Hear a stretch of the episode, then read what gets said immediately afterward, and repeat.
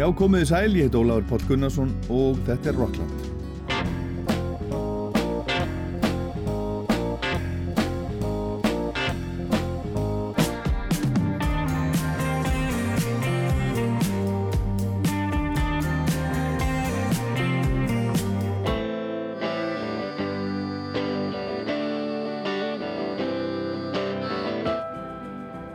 Það er Rockland í dag eins og, eins og alla sunnudaga og ímislegt og alls konar á dagskrá.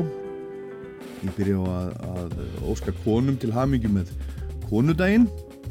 En í þættinum í dag þá kynnust við Jónasi Björgvinsinni aðeins en hann var að senda frá sér fyrstu sólarplötunum sína, 50 ára gammal. Það fekk Ómar Guðjónsson til þess að vera sín hægri hönd og upptökustjóri. Hann ætlaði að gera allt öðruvísi plötu fyrst og fá hinn á þessa til að syngja lögin sín en endaði svo á að syngja allt sjálfur. Við heyrum í þeim Jónasi og Ómari Guðjón setna á ettir og svo heyrum við aðeins í, í Gokka í Sigurós beint frá Abbey Road en það er gleðið fréttir bárust í vikunni að Kjartan Svensson Sigurósa maður er gengin aftur til liðs við félaga sína í hljómsveitinni og þeir Goggi, Kjarri og Jónsi eru þessa dagana stattir í Abbey Road í London, bílastúdíónu að taka upp. Og það eru gleði frettir fyrir Íslands tónlistelur Goggi sendir okkur smá pistil frá Abbey Road og það gerir líka tónlistamæðurinn Elvar, Mamik og Dís og Elisa Newman en þau voru öll að senda frá sér ný lög. Og svo heyrum við aðeins í Sting og við heyrum í Jimmy Page og Led Zeppelin Fontaine's DC og hitt og þetta, þetta verður fjölbreyttu þáttur og við byrjum á ABBA, lægi af plötunni sem kom út í höst, plötunni Voyage, lægið heitir No Doubt About It og er að koma út á smáskífu.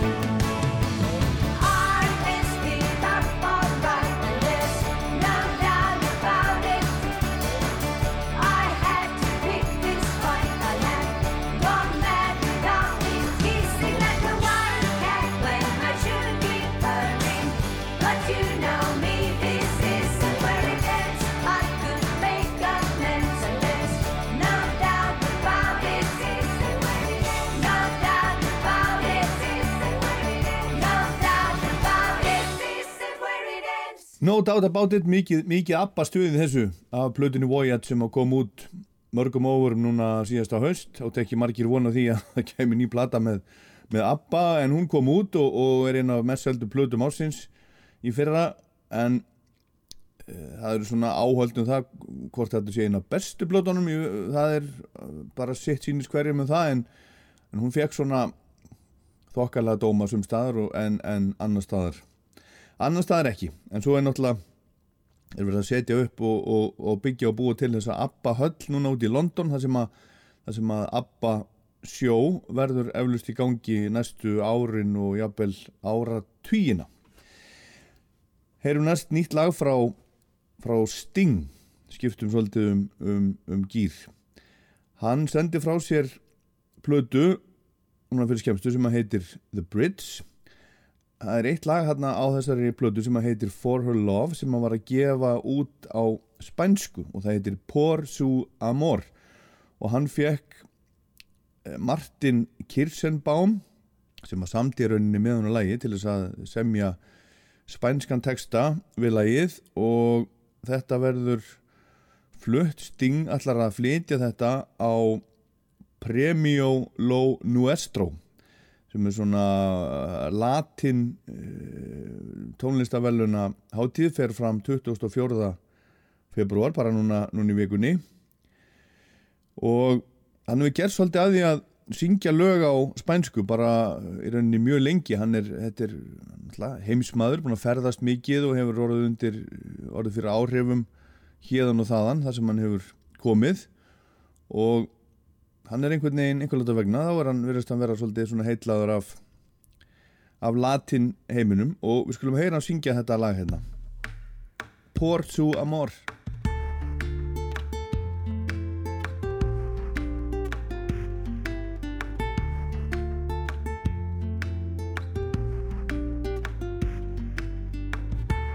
Que dejaría de hacer o acuerdo no quebrar. Un hombre que no diría o faltaría de dar. Por cual camino prohibido se negaría a viajar. No existe altura de riesgo que evitaría tomar. Entre las nubes sin dinero atravesar. Pinta su nombre en un tranvía. Viaja mate, él lo haría sin pensar significados hallaría.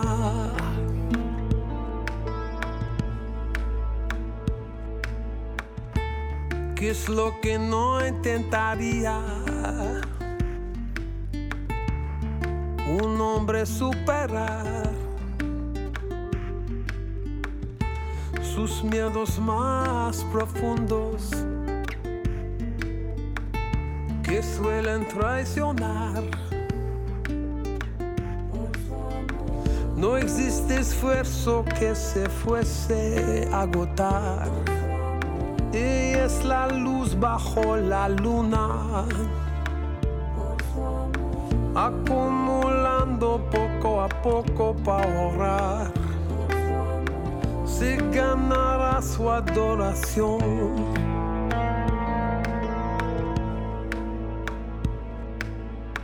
Y con toda mi fuerza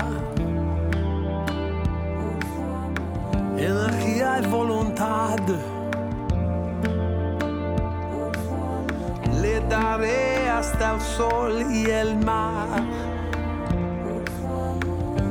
Volaré hasta el cielo y de allá. Entre cuerpos celestes del sistema solar y las líneas del mate lograré descifrar lograré descifrar.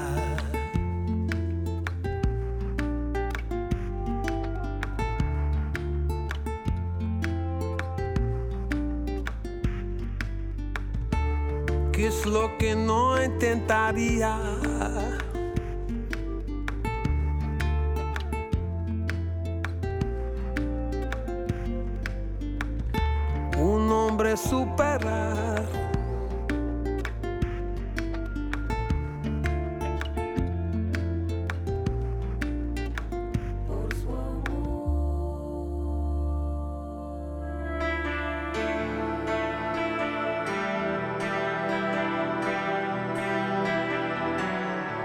Hello, this is Chris, the singer of Coldplay, and uh, you're listening to Raustver, and the program is Rockland.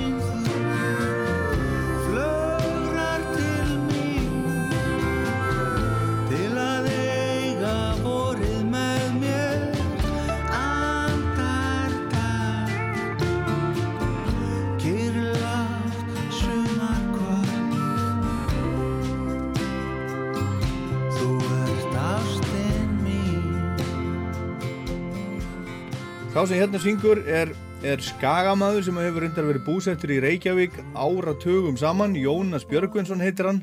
Lægið heitir Á norðurkveli og er titil af plötu sem hann sendi frá sér fyrir skemstu hún heitir Á norðurkveli og Jónas er komin hingað í Rockland en er reyndar heima hjá sér, eða hvað? Já, ég er stattur hérna í hljóðurpunktur í svo langu sveinum Já, þú, þú og upptökustjórin Upptökustjórinn Ómar, Ómar Guðjónsson. Ómar Guðjónsson Herðu, en, en Jónas, það er ansið langt á milli, milli platna hefur þú, þú gafst síðast út plötu fyrir rúmum 20 árum hvað er þetta að vilja búið dekk núna?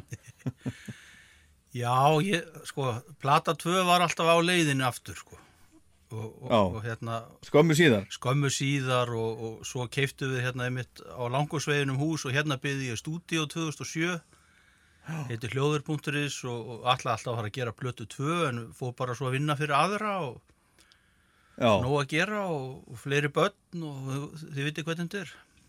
en hérna en þetta er sko, þetta er þetta er samt fyrsta plataðin sem er, sem er undir, undir uh, þínu eigin nafni, það sem kemur út undir, undir nafnu Jónas Björgvinsson hinn hin platan sem kom út þarna í, í gamla daga uh, þar, þar uh, var að kalla Um Hum Einmitt. Og, og þú syngur ekkert, ekkert þar en syngur syngur allt núna? Já, okkur er, svona, já okkur er þetta svona? Alltaf hafi ekki verið bara f- feimni og eitthvað þá? Og ég, ég leita ekkert á mig sem söngvara og ég bjó bara til svona band út og þetta náttúrulega var í- náttúrulega eiginlega samt sóloplata, þetta var öll mín lög og öll, allir textar.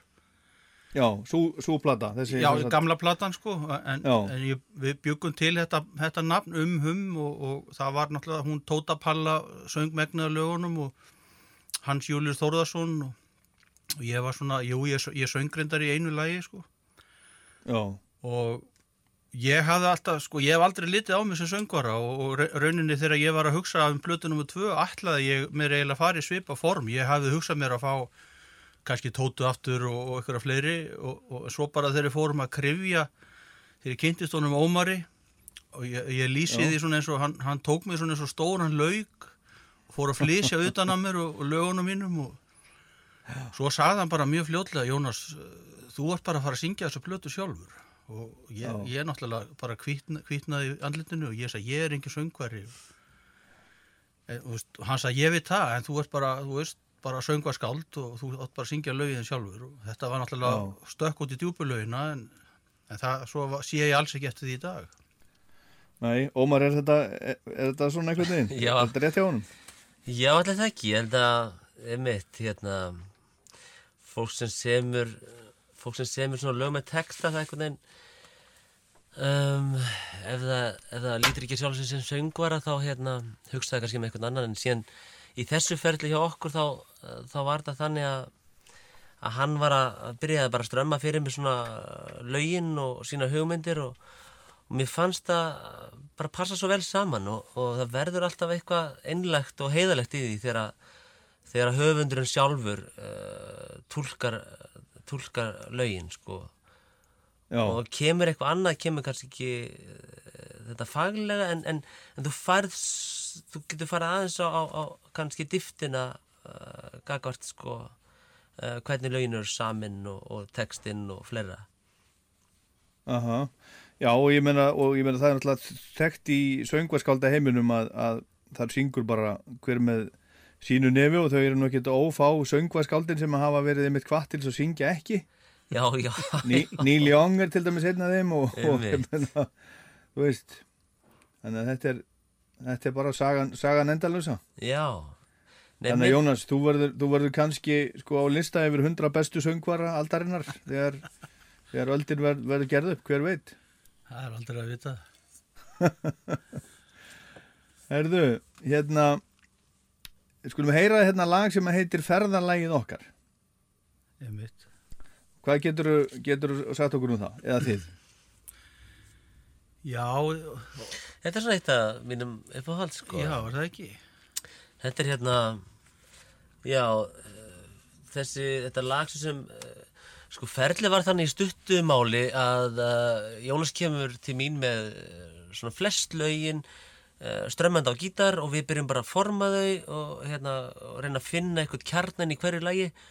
Og uh, þá hafði ég uh, ákveðið sérst, að, að reyna að smíða eins, eins mikið sem við getum og fá síðan inn uh, trommarabekka Baldurs sem að, sem að hérna, trommaði plötuna svo aðeinslega en þá vorum við búin að smíða öll lögin svona og formið og allt nema þetta lag, þetta kom svolítið eftir á Já. þannig að og þetta var eitthvað sem að held ég Jónas hefði bara samið í, í bara svona miðbygg ferilsins, eða hérna ferilsins Og, já, Biggi trommaður reyndar eitthvað eina versjón af því, svo var það ekki að fara rétt að leið. Já, já. Endaði á því að þú trommaður leið. Já, einmitt Nú, nú. Já, þetta er eina læg á plötunni sem að Ómar er á trommum. Biggi já. sér um hitt, sko. En síðan er hérna uh, Tómas Jónsson uh, Þorlagsarnabúi og, og, og, og uh, piano og hljómbors uh, snillingur þannig sem að sem er uh, sem á mikið hlutverki í þessu trakki sko uh, hljóð, í hljóðheiminum þannig að Aha. en já, er eitthvað meira En texti Jónas? Já, textin er svolítið, hann er bara tilengaður konunum minn, hann er Guðfinnu. Þetta er svona ferðalagið okkar bara, þetta er svona, ég sé þetta fyrir mig bara, ef að lífið var eins og einn dagur, einhver svona Já. bílferð, sko. Þú, þú, ert svona, svona romantíkar? Já, það er svona þegar maður finnur þetta þegar aldurinn kemur yfir og segir, þegar maður keirir inn dag, vegurinn þrengist, maður er að keira inn dalinn þá fyrir maður að keira hægar og þá verður útsýni fallegra og, og maður fyrir að njóta ferðalagsins betur og með ferðafélagunum þetta er svolítið þannig bara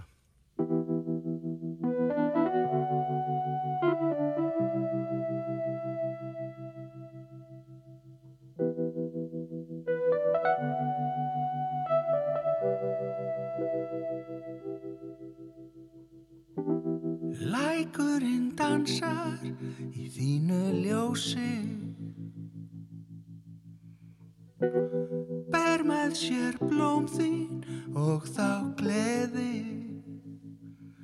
að þú ert von mín og vorið. Tíminn lengir sporin þú ert ferðalagið okkar. Ég elska þig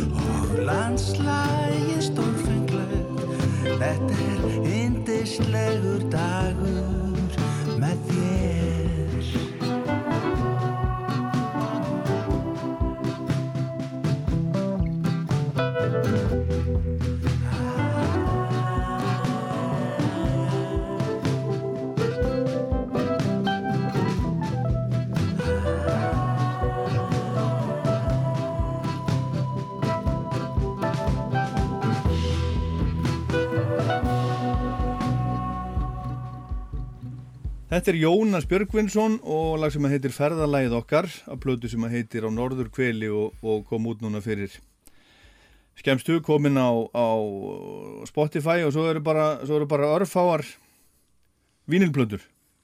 Já, Það var, var lendingin sko. Ég, ég, ég ætlaði mér að, að láta framleiða úti þá eitthvað meira Já, en eins og e, flestu vita eða svona margir að þetta er orðið, orðið 6-7 mánuða byð eftir pressun og plötu erlendis. þetta, já, þetta er orðið alveg, alveg, alveg fáranlegt sko. Já, en þá bara fór ég þess að skemmtilegu leið. Það er náttúrulega eru gott fólk hérna heima. Hann Úlvar Jakobsson sem er vínil.is, hann er að, hann handsker rauninni bara masteraði rauntíma Já, og bara minna upplag og svo er albúmið prentað hjá Svansbrent og ég ákvaði að gera bara, ég var að hugsa 40-50 stykki en einhvern veginn valdi ég töluna 42 þannig að það eru bara 42 eintök af plötunni. já, já, já, já. En, hvað, en hvernig er, er sándið á svona þessum, þessum uh, svona skortnu vínilblötu sem, sem er ekki pressaðar? það, á, það er bara mjög gott af því að þetta er bara eins og ferlið er venjulega, það er, er, er alltaf skorin rauninni ma- masterplata fyrst Já, og svo er gert stampmaster eftir því sagt, erlendist, þannig að þetta er í rauninni bara og 42 masterar já, ok. þannig að það er Og svo er, svo er náttúrulega, sko, ég menna, hafið eitthvað, eitthvað stútir að það, haldið að, haldið að vínil, vínilplötusalni eittir að halda áfram eða haldið að þetta sé bara einhver svona, einhver, einhverjir, einhverjir dauðakippir?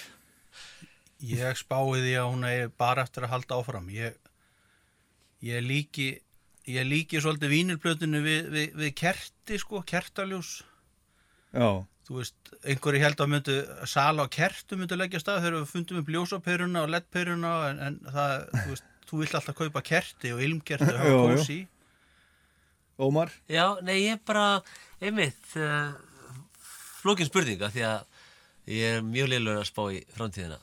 En En nú, en, ég nota bara gamla græjur og hérna, hérna, Já. en aftur á móti, sko, einmitt, nei, þetta, ég er samla, Jónasið, þetta er, þetta er, þetta er bara, þetta er svo mikið item og ég tala ekki um fegurina um, og stemminguna og allt við þetta. Akkurat, en svo, en svo er sko, en svo er einn stór faktor í þessu, nú er náttúrulega er sko unga fólki, það er er það sem að sem mun erfa löndin að sjálfsögðu og, og það er meira að spá í svona umhverfismál heldur en þeir, þeir sem eru eldri kannski. Og það er svo, það er svo mengandi, sko það er til dæmis tíu sinnu meira mengandi að framleiða vínilplötu en geislandisk Ok, já, það fer mikil orka í það. Já, en það er samt annir, það búið að regna þú, það kostar náttúrulega líka, það, það, það fyrir orka í, í allt streymið og allt það sko. já, Þannig að sko vínilplatan, hún er sko, það er minna kólefnisspor, ég held ég munið þetta rétt, minna kólefnisspor af vínil, en ef þú hlustar á streymi, hvort það er sko plötuna 20 sinnum eða eitthvað svo leiðis, já, já þá ertu búin að ná því. en, en, Þannig að allar vínilplötur þarf maður að hlusta mjög mikið. Já, já, en það er Herðu, það, en- en, en það fyrir aðeins mér að þetta. Það er ekki sama náttúrulega hvaða vínil, af því að mikið af þessu vínil úti er framleitur, það þarf mikið af gufu til að búa til plötur. Já. og mörgum pressum erlendis er þessi gufa búin til með gasi eða, eða olíu sko. það er náttúrulega, ég var nú einu svona með verkefni gangi hérna heima, vildi koma þessi gang á Íslandi að pressa plötur sem sagt, með jarðvarma orku, reytni orku. Já, já. það myndi sannlega að lækka vissporið á, á vínil góð hugmynd. En hérna, en þessi músík þetta er svona hvað það segja, þetta er svona blues skoti pop. Hverjir eru, eru helstu áhrifavaldar og, og, voru það hlust á eitthvað, e, e, eitthvað sérstatt þegar þið voru að gera plötuna, einhverju svona referensar?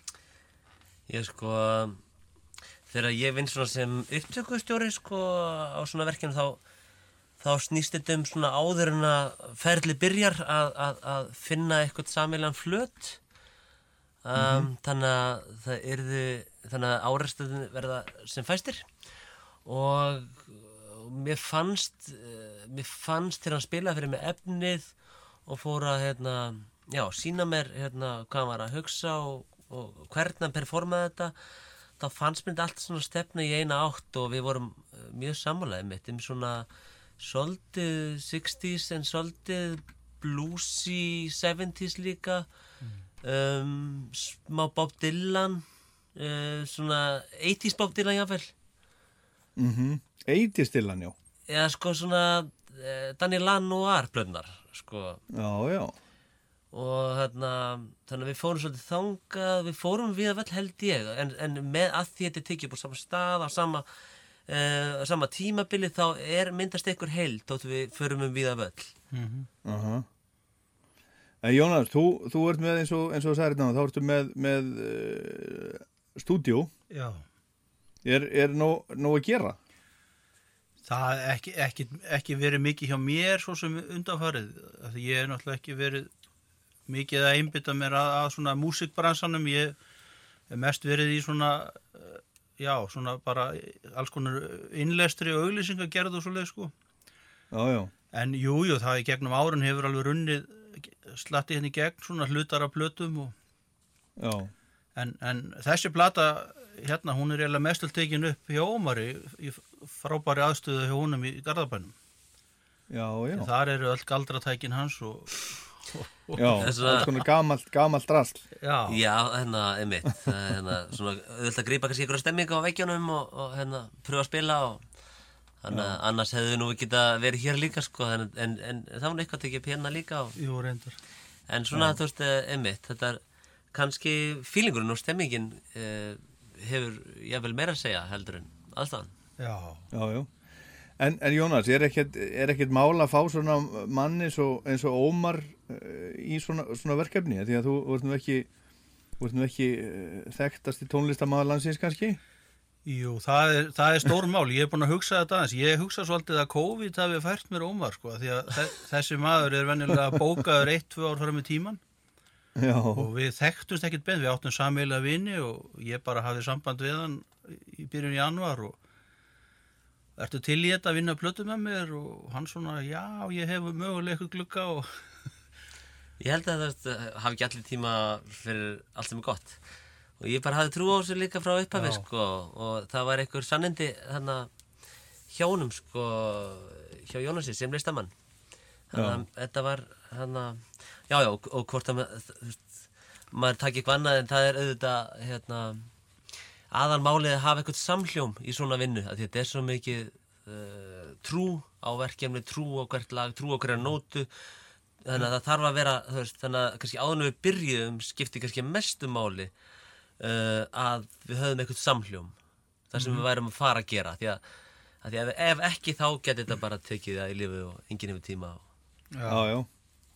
En þetta er, sagt, þetta er, þetta er þú og Biggie Baldus og, Tommy, er einhverjir, er einhverjir eh, fleiri sem, a, sem að spila þarna? ég spila náttúrulega á eitthvað á munnhörpur og eitthvað öllita á kassagítar og, og svo komu þau í bakarættir hann, Hans Július Þórðarsson sem söngaði mitt á, á fyrirplutunum minni Já, já, og svo ung, ung efnileg stelpa sem heitir Tindra Gná Birgisdóttir, já. hún söng líka bakarættir og, og Ómar söng hellinga bakarættum líka og, Mm þannig að þetta er svona hópurinn á bakvið þetta. Svo, svo, svo náttúrulega gerði hún Ólu Verla þetta dásanlega flott á umslag.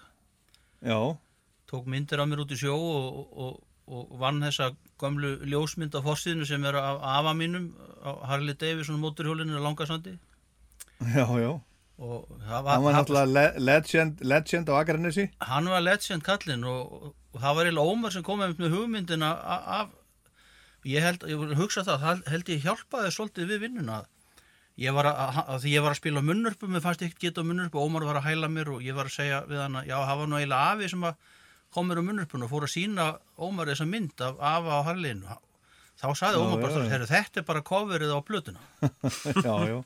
Þetta er rosa flott, flott mynd. það er svolítið gott að vera komið með cover á plötuna, það gefur svolítið svona stemminguna sko, einmitt svona eitthvað gamaldags fílingur og stemming já. En hvað, hvað er platan nálagt í, í Jónas og þú svona sást fyrir þér?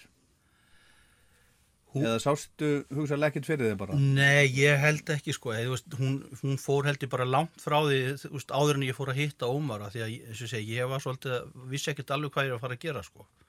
Þannig að hún fór bara í einhverja dásamlega átt og, og fór sína eigin leið svolítið sko. Já. Herðu, næsta lag, það er lofvorðasöngur yðnaðamannsins. Ert þú ekki, þú ekki sjálfur einhvers konar yðnaðamaður? Jú, ég er mentað vjölvirki Já, og hérna þetta, já, þetta lag var einmitt til svona í ferlinu. Við vorum einmitt að taka gegn allt húsi hjá okkur hérna í fyrrasumar. Já, og eins og flestu þekkja þá er bara íslenskir yðnamenn er alveg eitthvað sér á báti sko. þeir lofa upp í ermarnar á sér og lofa öllu um og, já, já, senda svo bara einhverja, þræla sem að skilja enga ennsku eða íslensku og þetta er svona, ég veit það ekki þannig að ég, ég svolítið bara ég, það kom þetta lag bara í hausinn á mér sko. þetta er svona, Já. Þetta er svona, svona komísk ádeila á, á, á þetta íslensk þjóðfélag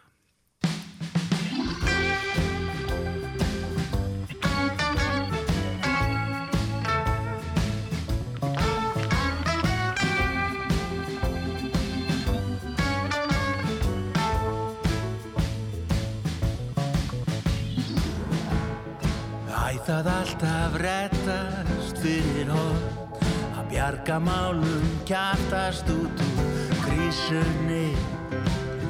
Því fresta má málum. Valli Bjarnar ringdi mig í dag. Vildi koma dælunni í betra lag. Að ég lofa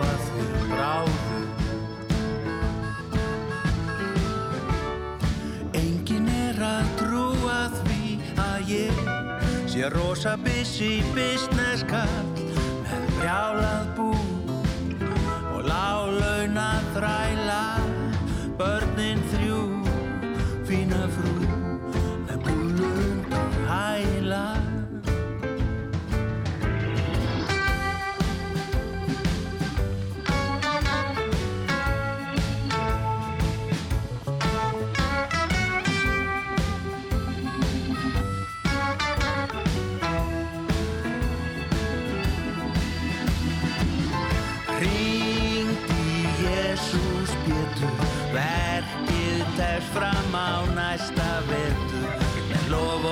söngnum sæla.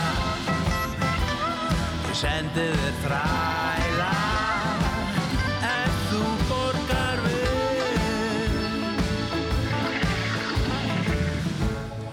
Varð að fá mér soldið sumar frí Rend af stað með skuldahalan og haveri Lagsveið og sæla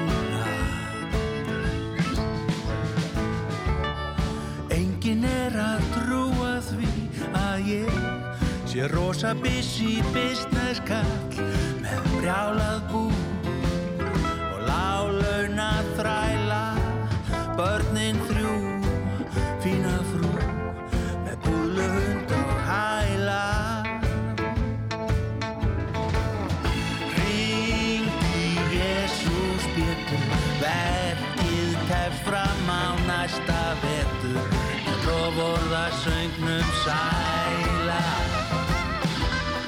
ég sendi þér þræla ef þú borgar vel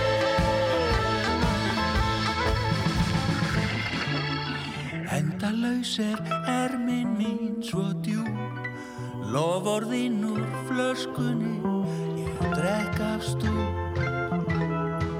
Það vantar þræla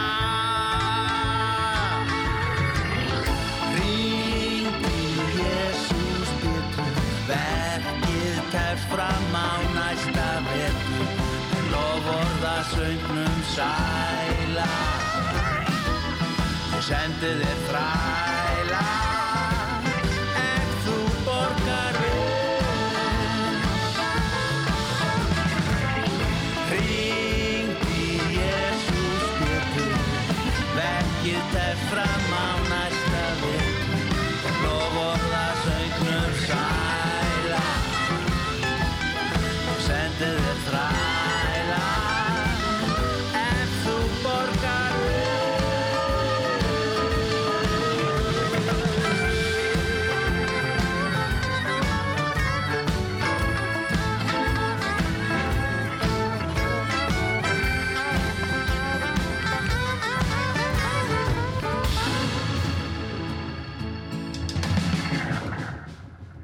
Loforða söngur yðnaðamannsins, þetta er að blötu Jónasar Björgvinssonar sem að, sem að heitir Á Norður Kveli e, og var að koma út Jónas, hérna, sko, ég velti fyrir mér er eitthvað business model fyrir svona, svona, svona plötugerð? Það, það er engin diskar, engin, engin sala, erfitt að fá tekjur á streymi, engin tónleikar, er þetta ekki bara tómt röggla að vera að standa í þessu? auðvitað er þetta tó- peningalega, business model er, er handónit fyrir kalla eins og mig sko, því að Já, það er eina sem að selst er, er það bara ef að fólk er að túra með hljónsveit og, og, og, og selja hennar tónleika og selja blöður á staðnum.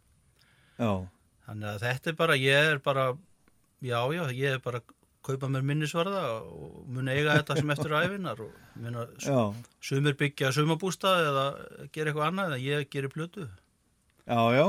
Já, ég trúið nú ekki að, að það kosti jafn mikið að gera plötu og, og, og byggja sumabústa. Þetta er meira kannski eins og, eins og hérna, lítill sólpallur, eða ekki? Eða hvað? Nei, þetta er nú held ég bara alveg á þriðju miljón sem að svona plata kostar Já, já, með öllu, fá allt þetta, allt þetta fólk og, og bara Aha. það er topp fólk í öllu, bæði í mixervinnu og masteringu, Gitti Hjálmur í, í hljóðrita masteraði Jóhann Rúnar hérna mixaði. Þannig að þetta, þetta kostar sitt allt og albúm og, og framleysla en þú sér ekki eftir því? nei, alls ekki Nei, en hvað hva er þetta, er þetta gömul lög eða, eða ný? Sum, sum lögin eru, eru, eru gömul sko. Ég held bara ég held einmitt bara vitið vinu en það er, það er hérna elsta lagið á plötunni. Það, það hérna ég bara í kringu snjóflóðin hérna fyrir vestan. Flatir og snóðvík. Ætli það að vera eitthvað 95 eða og ég var bara alltaf átt þetta lag og það var aldrei, var aldrei neitt gert við það fyrir núna. Já, Svo eru einhver önnur lög sem eru eitthvað aðeins yngri en, en svo eru þarna nokkur þrjú, fjögur lög sem eru sem eru til bara í, í fyrra í ferlinu. sko. já. En áttu, áttu fleiri lög, ætlar að gera fleiri plötur? Já, já, ég á, á fleiri lög og er svona er, er að uh, vinna eitthvað, ég veit ekki hvernig það verður sko. En hvað með svona, þú veist, uh, nú er þetta ekki hljómsveit, ætlar, ætlar að fylgja þessi eitthvað eftir eða? Nei, í raunin ekki sko. Það, það, er, er, það er náttúrulega svolítið flókið að, að, að hérna fara að búa til hljónsveit með, með þessum atvinnu tónlistamönnum sem er náttúrulega eru bara uppbókaðir út um allan heim eiginlega. Já, Eh, Það myndi ekki gerast nefnir, myndur henni bara setja saman aðra hljónsveit sko. já, já, akkurat. En, en hérna Ómar, hérna, er þetta ekki, er þetta ekki alltaf lifna við? Er ekki, er ekki einhverjir eh, túra framöndan og tónleikar og Jú, emitt, ég held að er það ekki lífið, er, er ekki lífið að, að verða sífælt betra? Jú, þessi tvö ár sem hörfu er að hverfa en, hérna, en mér líður svolítið þannig og þetta er svona þetta er alltaf að hérna, það er alltaf það horfir að, svona allt til betri vegar Já. og, og það er mikið verið að að hérna svona vera að bóka- skipuleggja og bóka og Og hvað er, er sirka framöndan hjá þér? Svona Já. bara á næ- næstu mánuðu sem, Næst- sem að, þú- þú veist um. Já, það, um, það er nú hérna ADHD hljónstin sem ég hérna, er nú búin að vera búin að vera í, í 11 ár og búin að vera að túra í, í Evrópu síðustu átta það svona er að fara allt í gang núna og, og er að, er að hérna, túra sem voru eru búin að postbóna núna í ansi langa tíma er svona það þetta hann að lítur út að, að við getum verið eitthvað að túra núna í þetta árið. Lón sem er hljómsveit sem er í hérna búin að vera ekki út svolítið að lögu núna um, ég Ásker Aðarstins og Valdemar Guðmunds eh, söngvari, Akkúrat. við vorum við erum að herja smá Amerikamarkað, þannig að við erum að fara út að spila þar Já, já, já. og síðan er ég alltaf með Jónsi Sig líka og þannig að það er spennandi tímar svona og, og, og hinum og þessum og, Já, og bara svona skemmtilega verkefni nefnitt. Herðu, við ætlum að heyra eitt lag af plötunni í viðbót sem að er Minningin hljómar. Er það ekki, er það ekki uh, um mömmuðinu, Jónas? Jú, það er svolítið bara tilenga mömmu minni sko. Það heitir Minning hljómar og þetta er svona æsku, æsku minningar frá Akranessi og um, þau og sískinni mömmu það var verið að spila, spila og syngja á gítarinn og bítlalögin og, og allt þetta og maður var, maður var lítil pjakkur að fylgjast með sko bara á náttfutunum baku sofa Já, og bara þessi, þessar ljúfu minningar um þetta. Og mamma kendi mér svona fyrstu gripin og gítarinn. Já, þannig að þetta er, já, þetta er svolítið tilenga, tilenga henni og, og svona fjölskyldu mömmu á, Vestugutu 43 það sem afi Júli mitt bjó afi og amma og þetta er bara gaman að því sko já. Herðu, ég bara hveð ykkur hérðan frá Akranesi. já, takk, Takk ykkur fyrir, fyrir spjallið Já, semleiðis. takk fyrir og, okkur og, hérna, og til hafmyggju með, með Plötun Jónas. takk kærlega fyrir.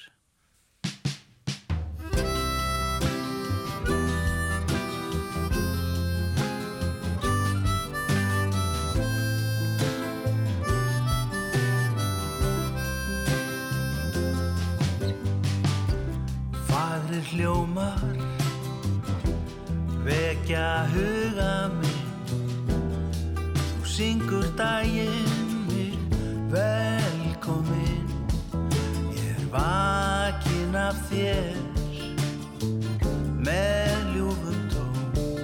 Þú ert tilveran mín. Töfra stundir góðar Lítill drengur á sér fagra drauma. Fjarlæg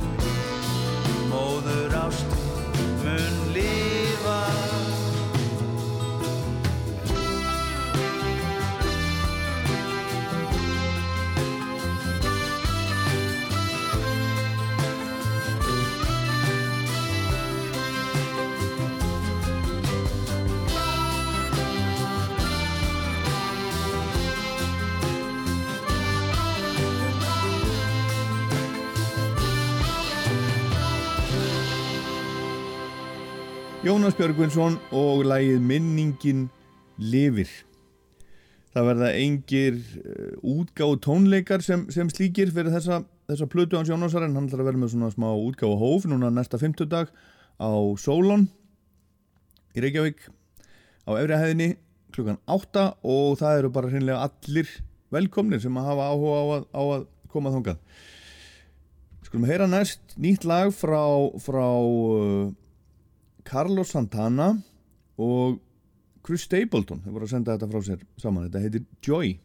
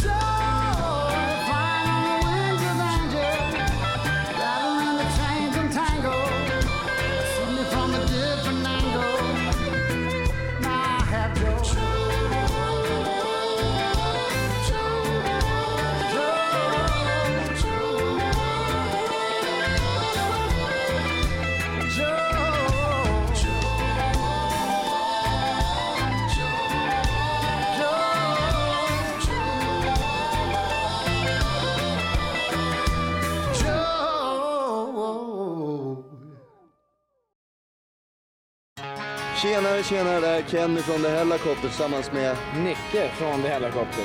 Ni lyssnar nu på Rockland på Islands Radio. Ja, det gör ni.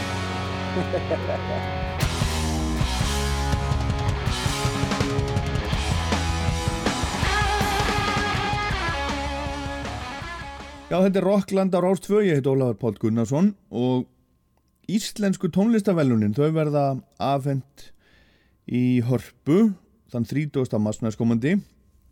Og þessa dagan eru dómnefndir.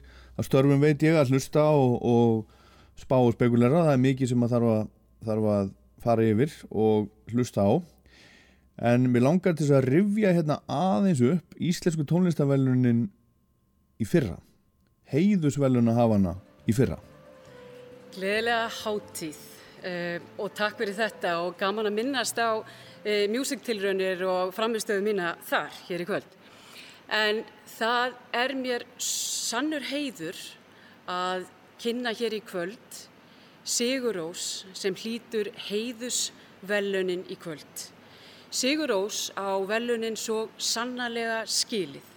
Enda náttúru afl í tónlistinni og glatt okkur öll oft og verið algjörlega leiðandi. Kjöru svo vel.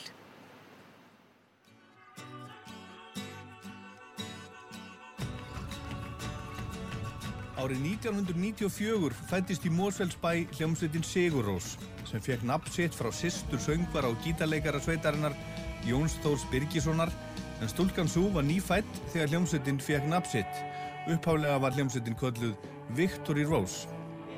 Meðlimir Victory Rose voru ásamt Jóni Þór eða Jónsa þeir Georg Holm og Ágúst Ævar Gunnarsson og byrjuðu þeir á að apa eftir uppáhalds hljómsveitunum sínum en hófu svo fljótlega að skapa sinn eigin stíl. Tónlistin var draumkend og dramatísk, rödd Jónsa nótu meira eins og eitt af hljóðfærunum frekar en hefðbundin söngurödd og spilaði Jónsi á litríkan ramaskítar sinn gætnan með fiðluboga og hafði hátt en stundum látt.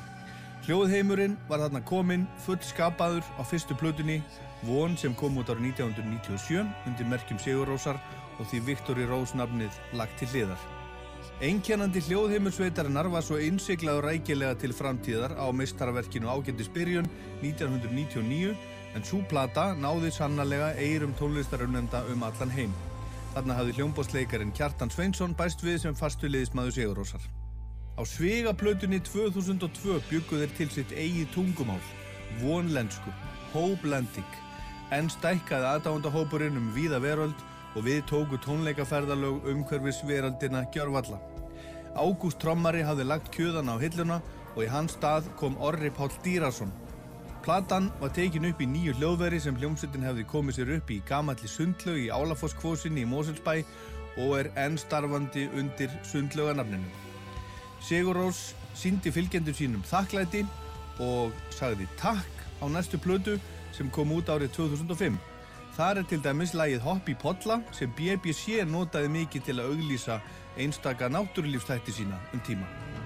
Árið 2008 leitt fymta platan Dagsins ljós með suð í eirum við spilum endalaust og má þar finna þeirra helstu smelli sem ennþá heyrast reglulega í útarpi um allan heim. Fjórum árum síðar kom svo platan Valtari og nýjasta platan en vonandi ekki svo síðasta Kveikur kom svo 2013. Sigur Rós hefur undanfarinn aldarfjórðung með einstakri tónlisinni heilla miljóni manna um allan heim, kveikt áhuga fólks á heimalandi þeirra því stórbrotna landi, elds og ísa sem býr til fólk sem skapar tónlist eins og Sigur Rós gerir. Og það sem meira er, tónlist Sigur Rósar, þegar hún er ekki á vonlensku, þá er hún sungin á íslensku. Sigur Rós hefur sínt á sannað að það er hægt að slá í gegn á alþjóðavísu með því að syngja á íslensku og það er öllum ljóst að þetta hefur skapað Sigur Rós enn meiri sérstöðu enn ella. Sigur Rós hefur unni til fjöldavelluna og fengið enn fleiri tilnefningar til veluna í gegnum tíðina bæði fyrir tónlistina sína og kingimögnuð myndböndin. Laugin þeirra hafa líka heyrst í gríðalunum fjölda kvikmynda og sjónvarsþáta um allan heim. Sigur Rós hefur gefið okkur sjö breyðskífur sem allar eru einstakar. Þeir hafa gert kvikmyndir, þeir hafa ferðast um Ísland og um allan heiminn aftur og aftur og allstaðar eigaðar aðdáendur sem hafa ímist leigið eða grátið á tónleikum hjá þeim og oft bæði einu. Sigur Rós kom síðast fram hér heima á norður og niður listaháttíðinni sem hljómsveitin stóðu fyrir í hörpu milli jóla og nýjást 2017 og vonandi fáum við að sjá Sigur Rós á sviði aftur sem allra fyrst. Við hefum Sigur Rós mikið að þakka þegar hafa gert svo margt gott fyrir íslenska tónlist, íslenska menningu og okkur öll um langa hríð. Þeim eru hér færðar þakkir fyrir þeirra framlag. Hljómsveitin Sigur Rós er heiðusveluna hafi Íslensku tónlistavelununa árið 2021.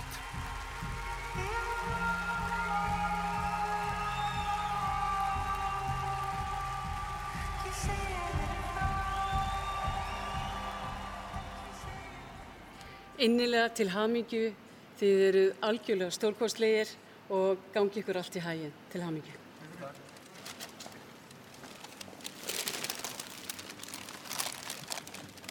Já, aldrei þessu vant ætlar, ætlar Sigurós að segja eitthvað. Okkur gamlu réttarsala gegnum mönnum þykir ólýsanlega væntum að fá þessa viðkenningu. og stuðning frá tónlistarsamfélaginu. Þegar við vorum að stíga okkar fyrstu skref þá var tónlistarbransin í Reykjavík eins og lítið þorp. Allir hjálpuðu stað, lánuðu hver öðrum græjur, deildu sendi þeirra bílum, æfinguhúsnaðum og skipiluðu tónleika saman. Eflaust og, og vonandi er þetta svona enn í dag á Íslandi. En þar sem flestir átti samilegt á hennum rósturlitla og saglausa tíunda áratug var að gera hlutin á einn forsöndum.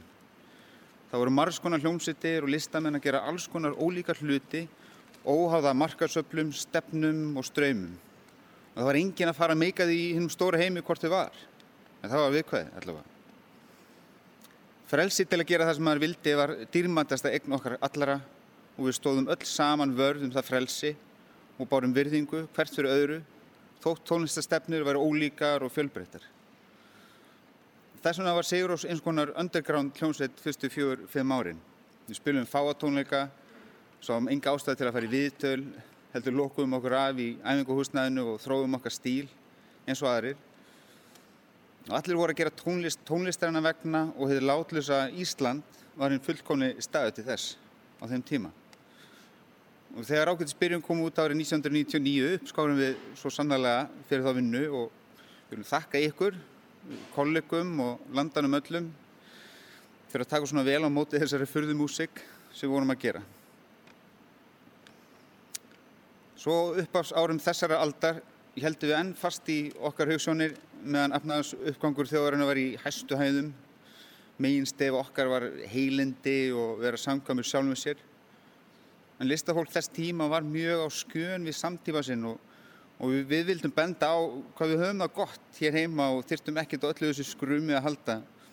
Og þess vegna til dæmis gerðum við myndina heima árið 2006 þar sem við byggðum landsmunum endurgjaldslust og tónleika við um land og vildum þannig þakka fyrir að fá alast upp í, í því umhverfi og landi sem var líst hér að framann. Og um leið sína fólki þetta fallega land sem við eigum og lungu fyrir túrismabóluna. Og þó að það hefur verið gert grín á lópapeysun þá vitum við öll á hvaða stalli hún er í, í dag. Sko. En við erum samt að byggja kollega okkar afsökunar á, á álvað spurningum erlenda bladamanna. En aftur að samstöðinni, sko, hér stöndum við allir fimm, eða einn á skjá. Og tökum hræðir og þakkláttir við þessari viðkenningu þó að hans tveir okkar séu enn í hljómsveitinni. Og þó við höfum gengið í getnum súrt og sætt saman í okkar hjónabandi sem hljómsveitin er og þá höfum við fjöldan allavega börnum saman sem er tónlistin okkar og höfum þess vegna ekkert efna á því að vera ósattu við hvern annan. Allir eru mikilvægir og það er mikilvægt að standa saman og standa vörð um hvert annað. Og, og okkur langar að hvetja kollega okkar til þess sama því þetta er erfiður, flókin og síbreytilegur bransi sem við erum í. Og það getur verið mjög erfitt fyrir listamenn að fóta sig og átta sig á hvernig hlutinni virka. Þegar lífið snýst fyrst og fremst um að skapa. Þar sem verkarinn eru tilfinningar og ímyndarafl en ekki Excel-skjöl, útgáðusamningar, umbósfyrirtæki eða skattframtöl. Já, við erum flestu öll auðmingarslistamenn sem kunnum ekkert annað. Við þurfum að standa saman og við þurfum að styrkja bakland okkar allara. Við þökkum svo af innlæri auðmygt stuðningin fyrir samstöðuna og þessa frábæru viðkenningu. Takk. Og, og familjen. Já, þú kannski vil Jónsi segja þetta. Uh, bara, hvað er það búin að vera? 25 ár? Svolítið. Já. Er það hvað, 25 ára viðbóta? Já, ekki. Já. En takk kærlega aftur fyrir okkur. Allt ykkur. Ég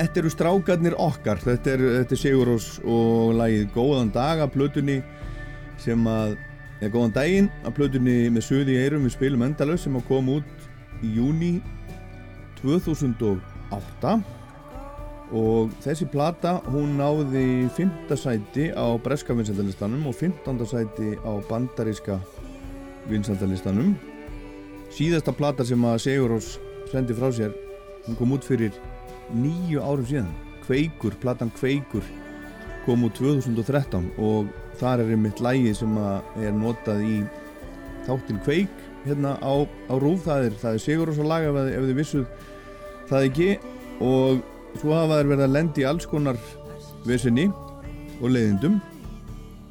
Alls konar eh, lögfræði vesinni, skatta vesinni og hitt og þetta og þeir heldu listaháttíðina norður og niður þarna millir jóla og nýjás fyrir nokkrum árum. Og svo hefur maður heyrt alls konar svona sögursagnir síðan að hljómsveitin sé bara hætt og það verði ekkert meir og eitthvað svona. Og þarna í fyrra þegar þau fengu heiðusvelunin á íslensku tónlistaveluna þá voru þeir bara tveir eftir hljómsveitinni Goggi bassarleikari og Jónsi söngvari. Með meiru og þetta gera þeir alls konar alls konar meira heldur en að syngja og spila gítar og bassa. Og þannig hefur alltaf verið í þessari, þessari mögnuðu frábæru hljómsveit. En, en svo bárust þar fréttir núna í vikunni að kjartan væri komin aftur í hljómsveitina sem var, var löngu hættur.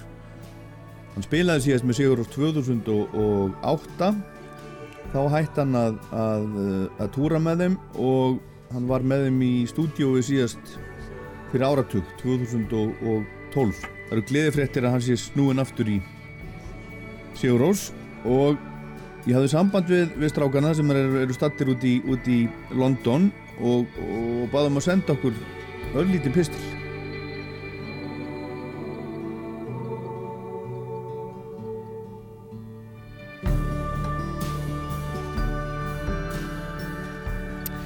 Georg hér. Uh, Georg úr kljónstinni Sigurús ég er hérna stattur á samt Jónsa og, og Kjartan Sveini sinni hérna í London.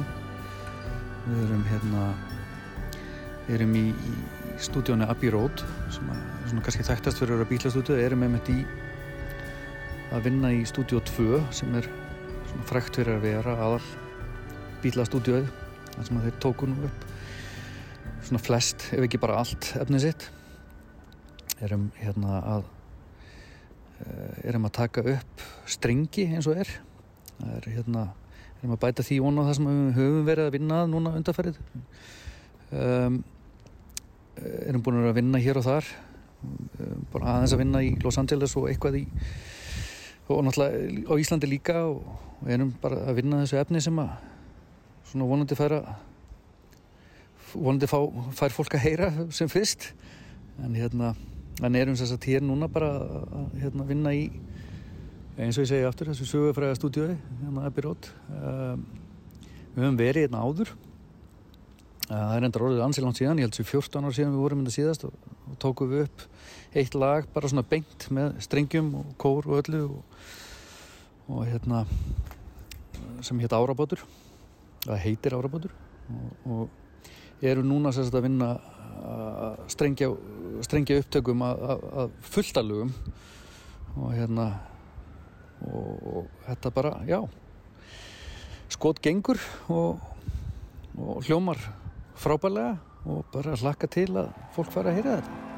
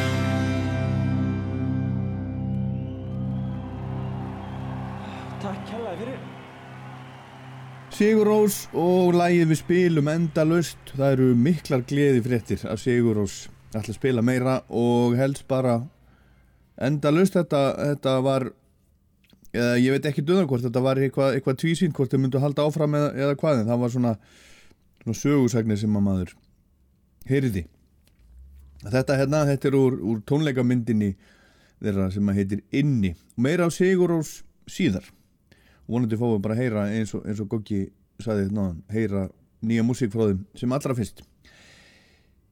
Skráning er hafin fyrir músíktilraunir. Á músíktilraunir.is hófst núna á förstu daginn og músíktilraunir fagnar núna, núna í ár hvorki meirinu minna en 40 ára ammæli, það er stór ammæli hjá músíktilraunum. Keppnin hófst árið 1982 og er bara einn elsta tónlistarháttíð og, og keppni landsins. Og hún er auðvitað vel þekkt eh, það þekki allir músiktilraunir. Eh, mikið af fólki hefur tekið þátt í þessu. Ótrúlega margir og bara mikið af hljómsveitum heimstektum hljómsveitum eins og Of Monsters and Men Vög, uh, Agent Fresco hafa bara hreinlega verið stopnaðar til þess að keppa í músiktilraunum. Án músiktilraunum hefðu þessar hljómsveitir hugsalega aldrei orðið til. Og svo er til dæmis ein eða ekki ein heldur bara elsta starfandi kvenna hljómsveit landsins. Það eru, eru stelpunnar frá eigilstöðum sem að, sem að sigruðu annað árið sem að músiktilinu fóru fram 1980 og þrjú. Þær eru ennþá starfandi dúkulísunar og það er, það er lag eða það er lag og, og jafnveg lög vantanlega frá þeim núna á þessu ári. Og Músitilunni standa núna frá 27. mars til annars april, það eru fjögur undankvöld 27. 7. 8. og 9. mars og svo er úslitin annan april, allt fyrir þetta fram í hörpu þið finnir nánar upplýsingar og, og það er þetta skrá sig á musiktilunir.is og úslitin verða sjálfsögðu eins og undanfarinn mörg mörg ár í beitni útsendingu á Rástvö en fyrir 30 árum síðan, árið 1992 sigraði hljómsveitin Kolrasa Krógriðandi hvenna hljómsveit frá Keflavík og þar var fremst í flokki Elisa Njúmann sem að var að senda frá sér splungunýtt lag. Nei, hæ, Elisa Njúmann hérna. Ég ætla að segja ykkur aðeins frá nýja læginu mínu sem er að koma út. Það heitir Maybe Someday eða kannski einn dag. Uh, og þetta er svona lag um draumur á mannesku sem fer sínar eigin leiðir. Veit ekki alveg hver það geti verið. Hmm. Uh, já, þetta er svona glaðlind, kærulaust með blístri og fylum og ukulele og saung og kannski smá von líka. Það er bara eitthvað sem við þurfum öll held ég. Og já, þetta er sérstaklega lag sem er að koma út og svo er ég að fara að gjóða nýja plötu, hún kemur út núna í vor alveg að vera búið með hana sem er mjög skefna, spennandi þannig að já, ég segi bara njótið, bye bye.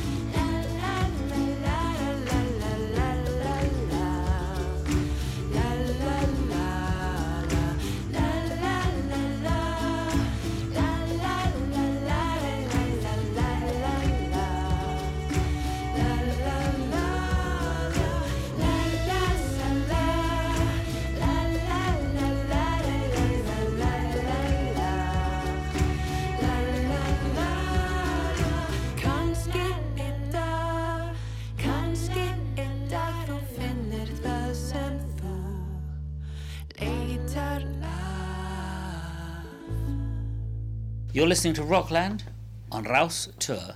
This is Jules Holland.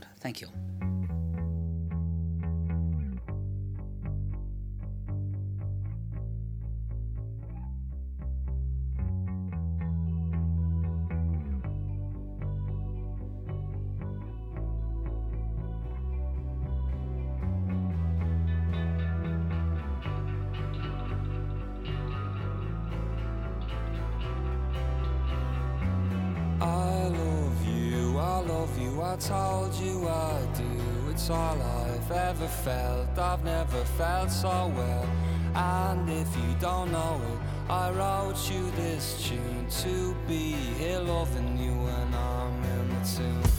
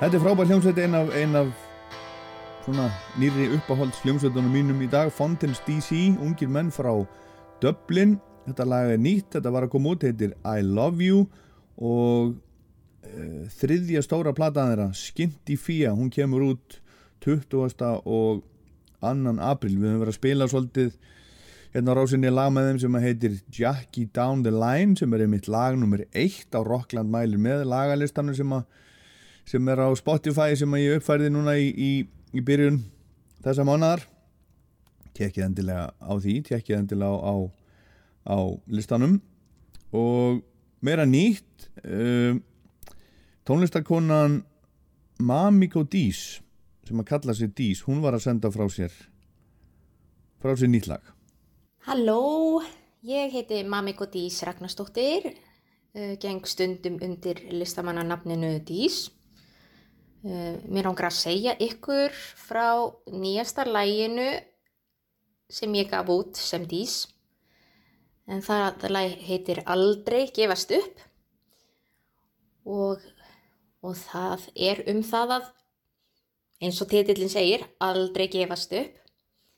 En Mig hefur dreymt um það alveg frá því ég var lítil stelpa um að vera söngkona eh, eða tónlistakona að gera það gott hérna á Íslandi. Og ég er sko langt frá því að, vera búin að gefa þann, þann draum upp á bátinn. Um, orðin 37 ára núna. En ég er ennþá ung og á mikið eftir. Um, Já, þetta lag er eiginlega ekki, ekki nýtt, búið að vera ofan í skúfu í 13 ár. Ég var bara svo rosalega hrætt, um við að semja texta við lagið. Textin kom einhvern veginn aldrei út af því að ég hafði bara ómiklar áhyggjur af því um að fólki finnist ég skrítin. En það var ekkert sem hrætti mig meira en það. hérna áður, hér áður fyrr, áður en ég lærði að taka það í sátt að ég er, ég er einhverf. Um, vissi það lengi ekki eða var í eitthvað skonar afneitun.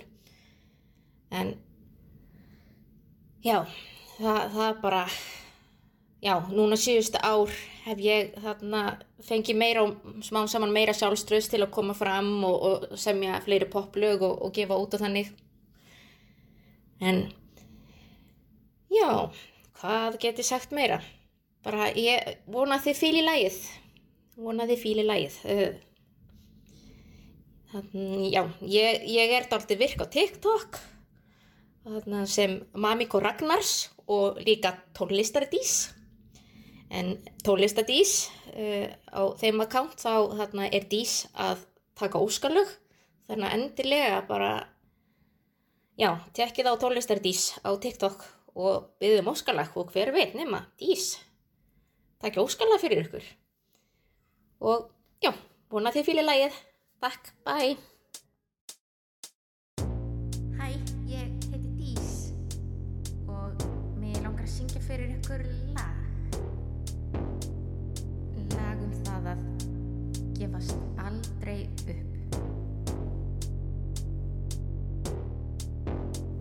Þetta lag bein í 13 ár eftir því að líta dagsins ljós ég var. Allt og frætt um að vera höfðað alla ég sjáðu mig.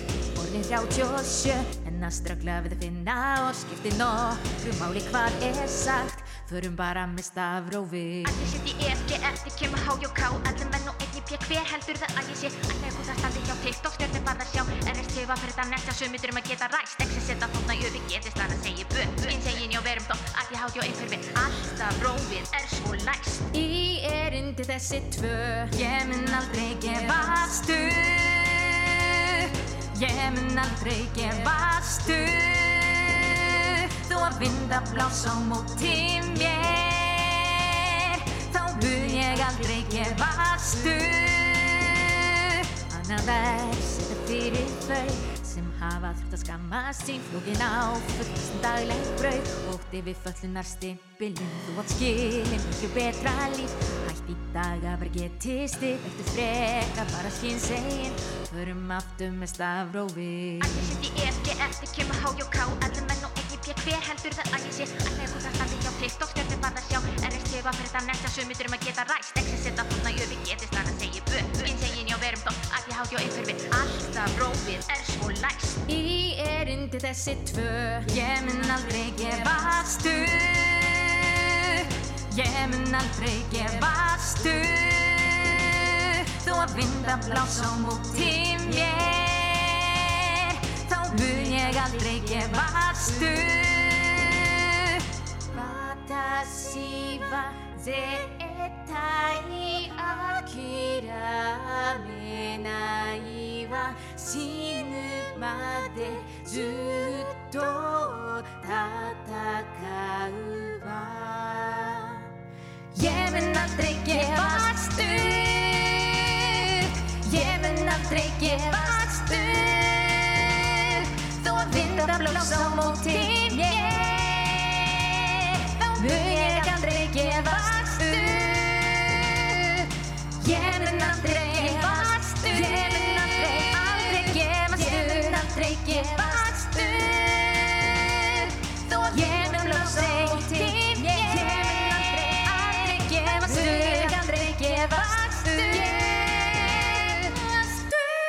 Mamiko Dís aldrei gefast upp og ég tek bara tek undir með henni með það. Og meira nýtt íslenskt. Já, komið sæl, þetta er Elvar og ég er fara að gefa út nýtt lag í næstu viku. Eh, Lagið heitir Heartbeat Away from Heartbreak. Þetta er svona melodist indie pop lag. Eh, Lagið fjallar um óttanum við að missa ástina og hamminguna og sjálfsefin spilar stórt hlutverk en lagið frekar svona uh, hrest þrátt fyrir það Eh, Þetta byrjaði sem kassagétadrefið lag í andar Strokes en fór síðan í aðrar áttir þegar ég og Magnús byrjuðum að vinna í því. Nú, lagið var tekið upp í stúdiói of Monsters and Men og í heimahúsum. Uh, Magnús útsetti og mixaði og Glenn Schick masteraði.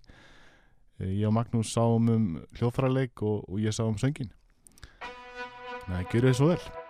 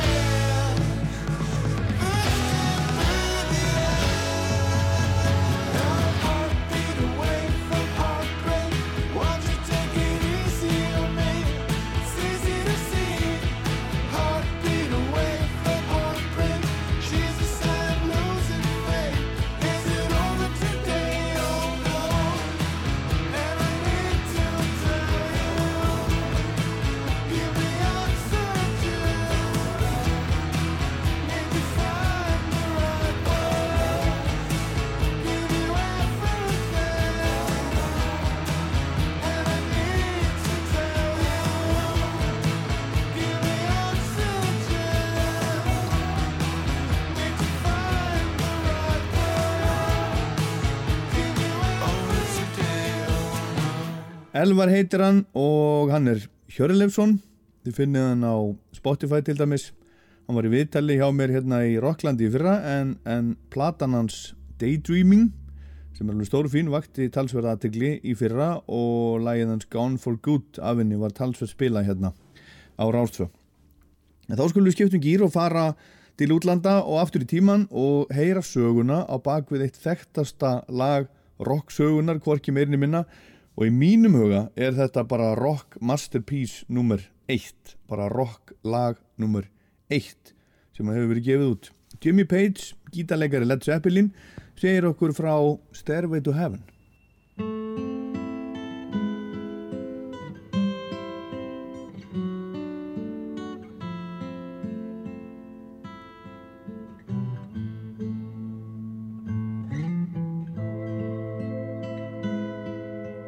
I've wanted to try to put something together which started with uh, a, quite a, fragile, exposed acoustic guitar playing in sort of style of uh, a poor man's bourrée by Bach, that sort of aspect.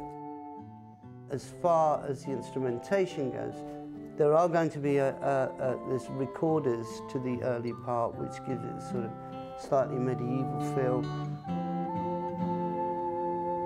There's a lady who's sure all that glitters is gold, and she's buying a stairway to heaven. That was an idea of John Paul Jones to put the recorders on um, and he played the recorders. When I actually had the idea for Stairway, I wasn't, that wasn't necessary. I wasn't thinking recorders. I was thinking more the texture of actually the electric piano.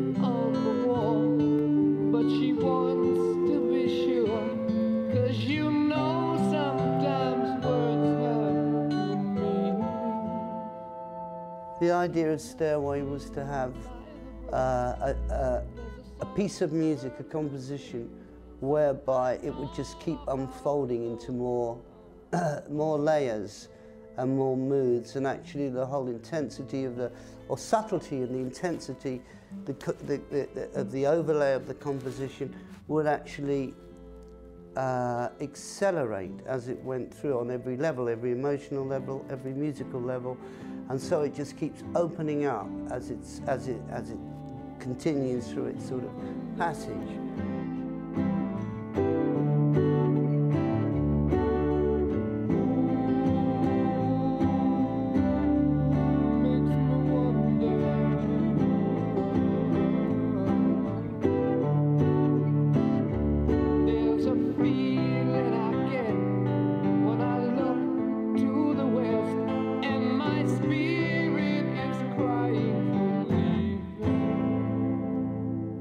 Was magnificent with his input of lyrics to the music of Led Zeppelin anyway. This was during the period that we were at Headley Grange that uh, the, the, the thing was put together. It was slightly complicated to be doing this whole thing without a vocal because at the time there weren't any lyrics and this is the this was the backbone of what the song was go- wa- was intended to be and the the whole of the running order from the beginning to the end was sort of mapped out. It was tricky. It was a tricky thing to do because there, there, there's a lot of music and changes in it. It's whispered that soon, if we all I remember during that period, Robert was, he was sort of sitting down, leaning against the wall, and he was just sort of writing. I, I, I won't never forget that image of him doing that. We do a run through of it from beginning to end with the uh, uh, guitar opening, as we all know. And then Robert comes up and starts to, he starts to pitch in and sing. And I tell you, he had, it must have been 90% of the lyrics were, were already done.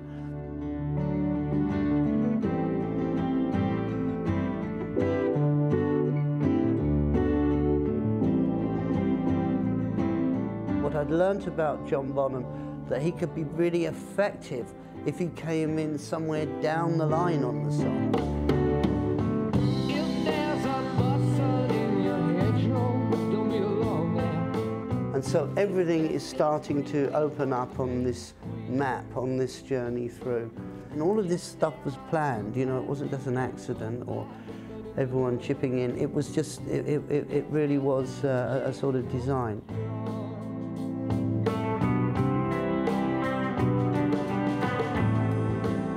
One of the cardinal rules when I was a studio musician was that you didn't speed up. And I was keen to do something which had an acceleration to it, not only from the musical point of view, but from the lyricist, so that the whole thing would, start to gain a momentum as it went through. So it wasn't just a monotone piece.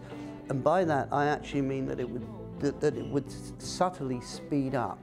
So you're breaking the number one cardinal rule.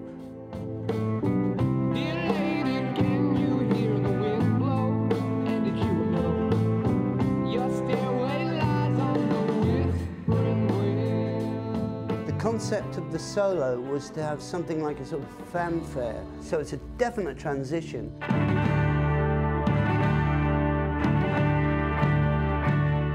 So it comes in with a with a fanfare to introduce this solo, and the solo is just going to soar right through.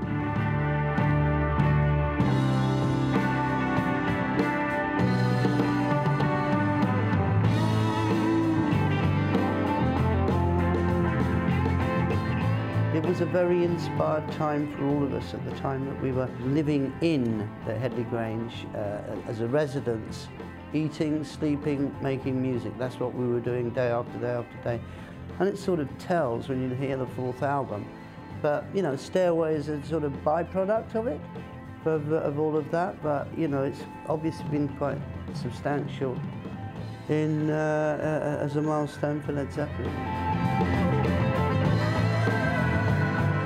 At the end of that solo, there's the trills, which lead it into this huge finale, which is the vocal as we wind, on down the road.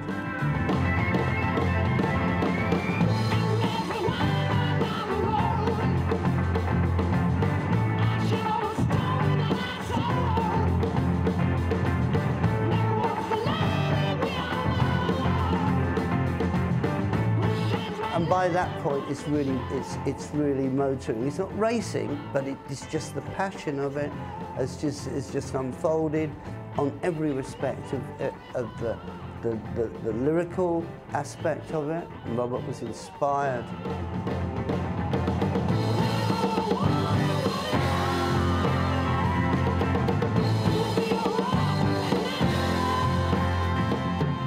It was really an inspired period of time.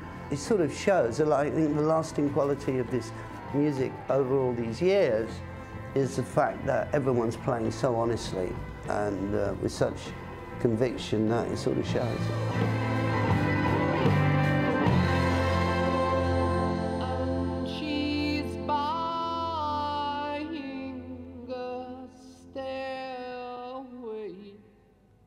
To heaven. Þetta var skemmtilegt, eitt magnaðasta lag tónlistar sögunar, einn af bara risa hordsteinum rock sögunar, ég man ennþá eftir því, eftir deginum sem að pappi minn spilaði þetta fyrir mig í, í hádeginu, eitt bjartan sumardag þegar ég var 12 ára gamall, Stairway to Heaven, Led Zeppelin. Og ég man líka hvar ég var þegar ég heyrði næsta lag sem er lokala þáttarins og líka einn af hordsteinum rocksögunar. Ég man líka eftir símtalarinu sem ég fekk frá skúla Helgasinni fyrir um starfsmanni Rása 2 frá Ameríku 5. april 1994 þegar hann var að ringja inn fréttina á Rúf að höfundurlagsins sem við endum á hérna Kurt Cobain úr Nirvana var í látin og Kurt var bara 27 ára gamall þegar hann ákvaði að enda lífsitt eftir að hafa verið að díla við alls konar innri dímona árum saman, þunglindi, kvíða og alls konar ógeð. Og dagurinn í dag er afmælistagurinn hans. Hann hefði orðið 55 ára í dag ef hann hefði lifað. Og ég ætla að enda á Smells Like Teen Spirit eftir Kurt Cobain. En með Patti Smith hún gaf þetta út á plötu sem að heitir 12 árið 2007 ég minni á Rockland á, á netinu í Rú spilaranum, appinu og svo er podcast á iTunes og Spotify og þar sem að þið náið ykkur í podcast. Svo minni ég á Rockland mæli með lagalistan sem er á Spotify sem að þið getið hlustað á og tjekkað á og fyllt ef ykkur, ef ykkur líkar uppfæran í hverju mánuði. En ég heit Ólafur Pál Gunnarsson þetta var Rockland, takk fyrir að hlusta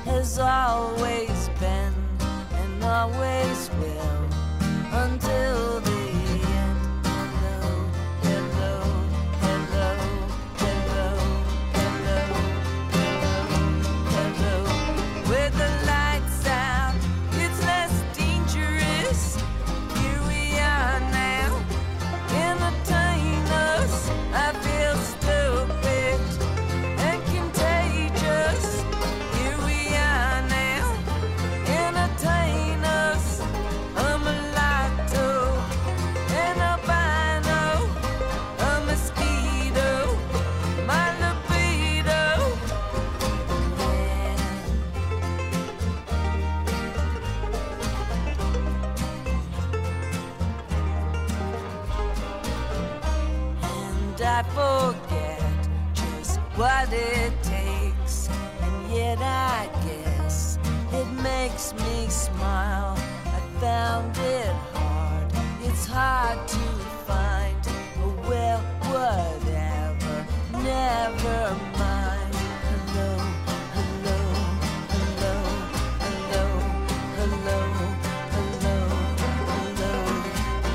The empty hand of innocence transfusing street of the sorrows and children of the wood hounded shredding all veils unwinding all sheets of the dead world droning overturning tables laden with silver sacrificial birds beating goatskin drums advancing with hands outstretched when we keep filling them with mercury nitrate asbestos baby bombs blasting blue scavengers picking through the ashes children of the mills children of the junkyards sleepy illiterate fuzzy little rats haunted Pete sniffing stoned out of their shaved heads forgotten foraging mystical children foul mouthed glassy eyed hallucinating